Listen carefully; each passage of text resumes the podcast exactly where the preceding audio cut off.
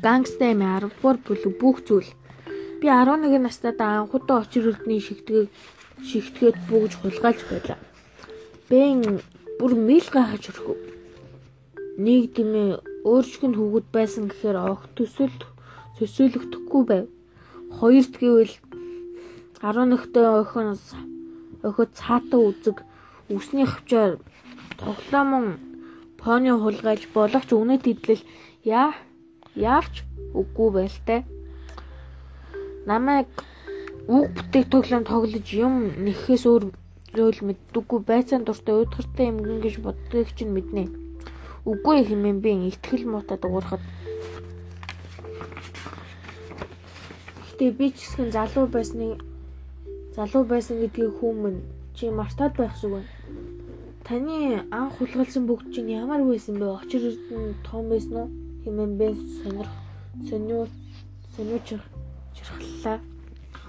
Тийм ч том байгаагүй. Гэхдээ юм энэ талдан анхны хулгайлсан бөгж маань надад одоо хүртэл байх учиртай. Галтгооны шүүгэн дээрээс жигмийн хайрцаг аваад ирэхгүй юу бэ гэж юм хэлв. Яг хаана вэ мэ гэж зочны өрөөнөөс гарч явсан бэ. Игнгийн хайрцаг болон доторх гайхалтай зүйлсийн талаар өгтөж мэдэхгүй зориулан лавдлаж асуулаа хамгийн дээр нь байгаа хурдлаараа хүмүүн удахгүй аав хоёр чинь жамаг хайгаад эхлэн шүү гэж шүү гэж химэн гэж имээ зочны өрөөнөөс орлоо.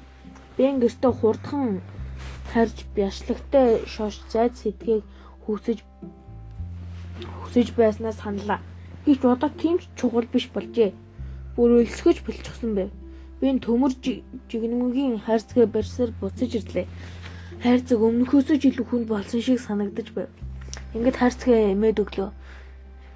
Сайн байна гэж эмээн хэлээд хайрцагаа уудлан хийд хийч сатай жижигхэн бөгж гаргаж ирлээ.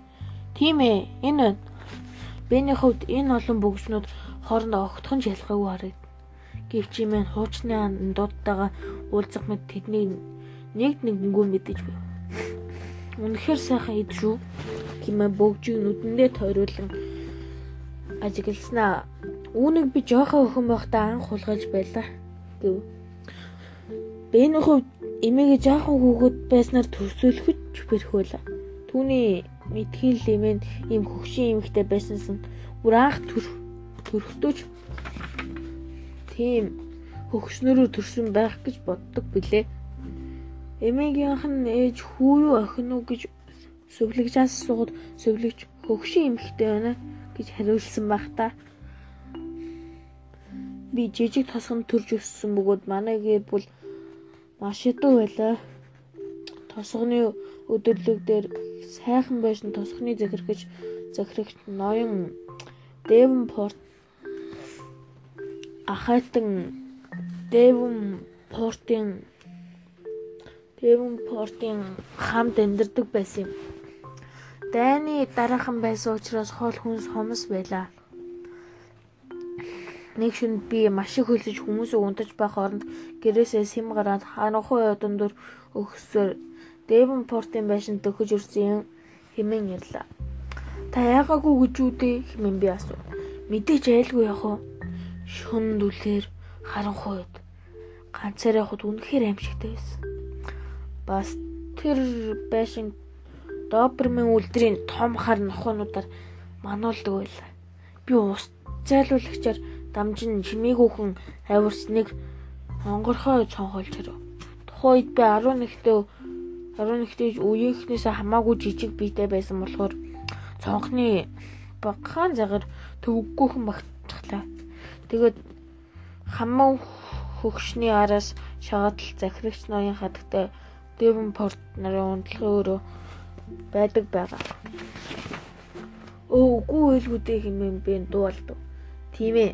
Эхлээд хоол олж идэе гэж бодож байсан бол хорны хажуугийн тавир дээр бөгжийг олж харсан юм гэд эмээ бөгж рүү саллаа. Тэгээд та шууд болоод очиод авчихсан уу? Олон улсад зартаа хулгаж байна гэдэг тийм жамархан биш шүү. Залуу минь Захирагч ноён ахатын хоёр чанга дугаар хөрх рүү унтцааж байлаа. Тэд сэрэх юм бол би эндээс амьд гарч чадахгүй байсан юм. Ноёнтон орныхаа хажууд байнга буутаа унддаг байсан. Буу гинэ хэмээн би асуулаа. Тийм ээ. Тэр их баян хүн байж үлээ. Тухайн үед баян таньс хүмүүс гургуул агнаж зугаацах дуртай байсан юм л да. Тийм болохоор тэр маш олон буутай байсан. Сандарсандаа Бэни хөлс чигарч гэтээ тэр сэрээ таныг буудчихаагүй биздэй гэв. Төвчээр сонсороо хүмүүн одоохон ярьлаа.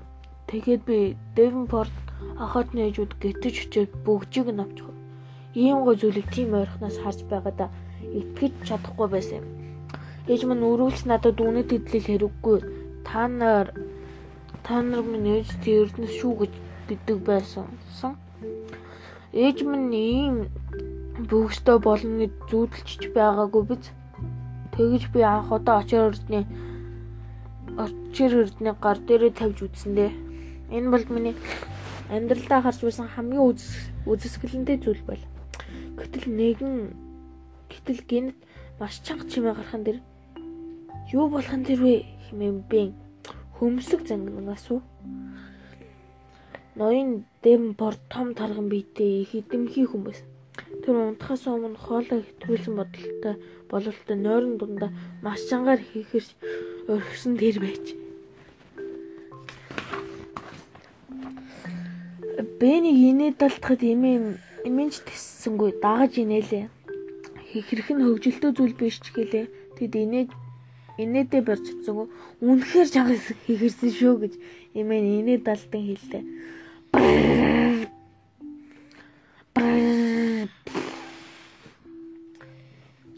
Гэж тэр дөөрэн дуурав. гэсэн юм шиг байна. Бэн инээсэр л байла. Маш чанга байсан шүү би бүр цоцсондоо бүгжиг нь модон шалан дээр алчих. Гэтэл чимээнд нь дэм портынхаа сэрчгэн тэр үгүй тийм ээ. Би ч бүгжөө шалан дээрээс шүрч яваад онгорхой цонхрог үлээ. Дэвенпорт ноёнтон бууга зинэглэгэн сонсогдож би огтхон ч эргэж харлгүй цонхоор гарч өвсрүү өвсрүү. Тэгтэл байшингийн гэрэл асаж нохоо боргож хөллөө. Би ч хамаг хурдаар зүгтлээ. Гинтийн чихдүүлийн юм чанга чимээ сонсогдов шүү. Дахиад хэгэрчихсэн үү хэмээн би асуув. Үгүй ээ. Энэ удаад буунд байсан. Намайг ойроо уруудан хар ирчээг гүйж бахад ноён давин бортын буудсан дээр байж. Тэгэд юу болсон бэ? хэмээн эмээ бугуун цагаа харснаа. Хонгор минь одоо чи гэрлүү явуулгүй явуулгүй. Горгүй. Горгүй. Аав ээж хоёр хоёрын чинь санаа зовчихно. Үгүй үгүй л болов. Тэд тэнийг цэнгэн бүжгээс өөр юу ч боддоггүйдэг. Яалаа гэж би чамд хөвчнээ хайрдаг хайрдаг нь чи мэдэж байгаа шүү дээ. Би дуустал нь сонсмооргүй сонсмоор байна шүү дээ гэж би зөрүүдлээ. Юу болсон талаар мэдхийг бэн маш ихэр хүсч байла. Дараа ярьж өгмөх өгөмц. Гэхдээ эмээ бэн чи гэртээ арих хэрэгтэй. Эн чинь шудраг биш вэ? Би яг одоо яв. Чамайг дараа ирэхээр ирэхэр чинь юу болсныг ярьж өгье. Гэхдээ үргэлжлэл биш үү хэмээн гэж эмээ хэллээ.